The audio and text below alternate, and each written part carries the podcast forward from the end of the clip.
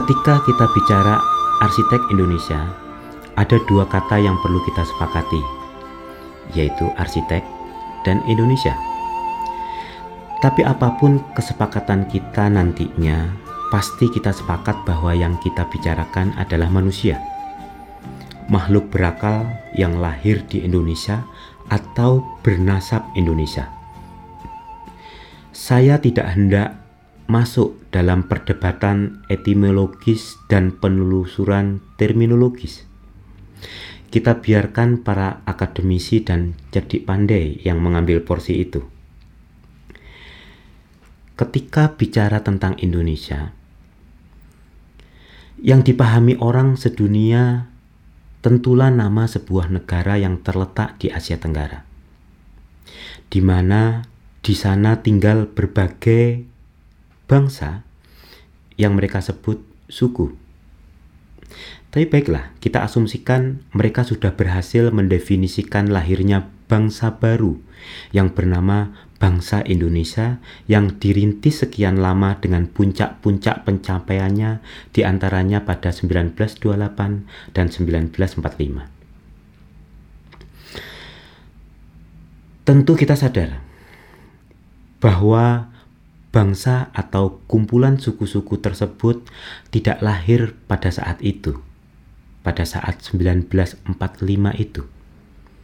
Mereka sudah lama ada dan mendiami wilayah yang dikenal dengan nama Sundaland, Jawa Wiwitan, Jawa Dwipa, Nusantara, atau Indonesia.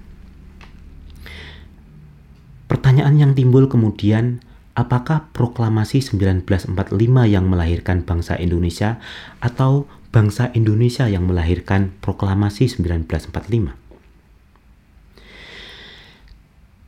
Tentu kita meyakini bahwa bangsa yang kemudian disebut Indonesia lah yang melahirkan berbagai sejarah yang terjadi di Nusantara termasuk lahirnya Negara Kesatuan Republik Indonesia. Dengan kesadaran ini akan termaktub dalam kesadaran kita bahwa bila bicara tentang Indonesia, maka yang kita bicarakan adalah kontinuasi dari suatu perjalanan bangsa yang hari ini kita sebut bangsa Indonesia. Dan ketika kita bicara tentang arsitek atau arsitekturnya, kita akan perlu menelusuri capaian-capaian yang sudah ada sebelum wilayah dan bangsa ini disebut Indonesia. Untuk sementara istilah arsitek dan arsitektur tetap saya gunakan walau kata ini termasuk baru dalam khasanah kebudayaan kita. Yang jelas kegiatan membangun sarana tempat berkegiatan sudah ada sejak lama. Setua usia peradaban itu sendiri.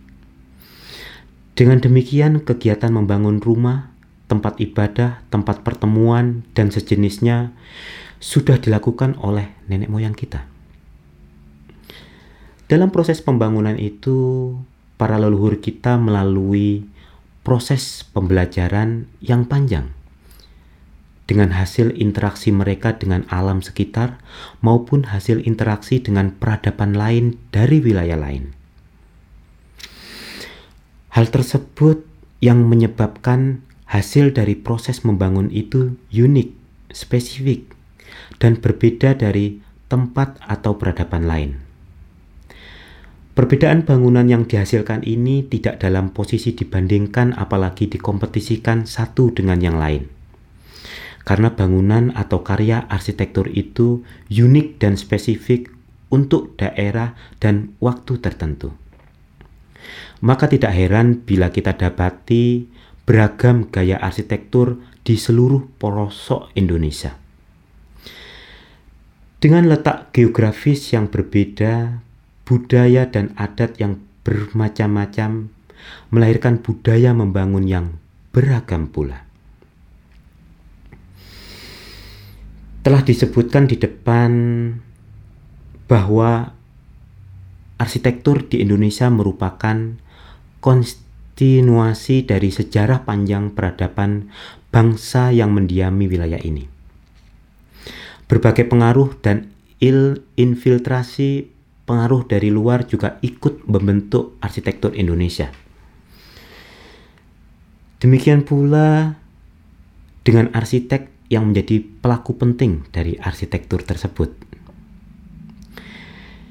Jika pada awalnya arsitek merupakan sebuah kompetensi yang melebur pada profesi-profesi lain, karena kebutuhan dan pengaruh dari luar, maka profesi ini hari ini mengkristal menjadi satu profesi yang diatur. Profesi arsitek yang diatur ini terlebih dahulu berkembang di negara-negara lain. Kita sebut negara-negara barat. Dan karena semangat imperialisme pengaturan profesi yang demikian masuk ke Indonesia Profesi yang model demikian ini semakin berkembang di seluruh dunia, termasuk Indonesia, dengan dorongan kuat dari saudara kandung imperialisme, yaitu kapitalisme dan materialisme. Maka, di mana koordinat arsitek?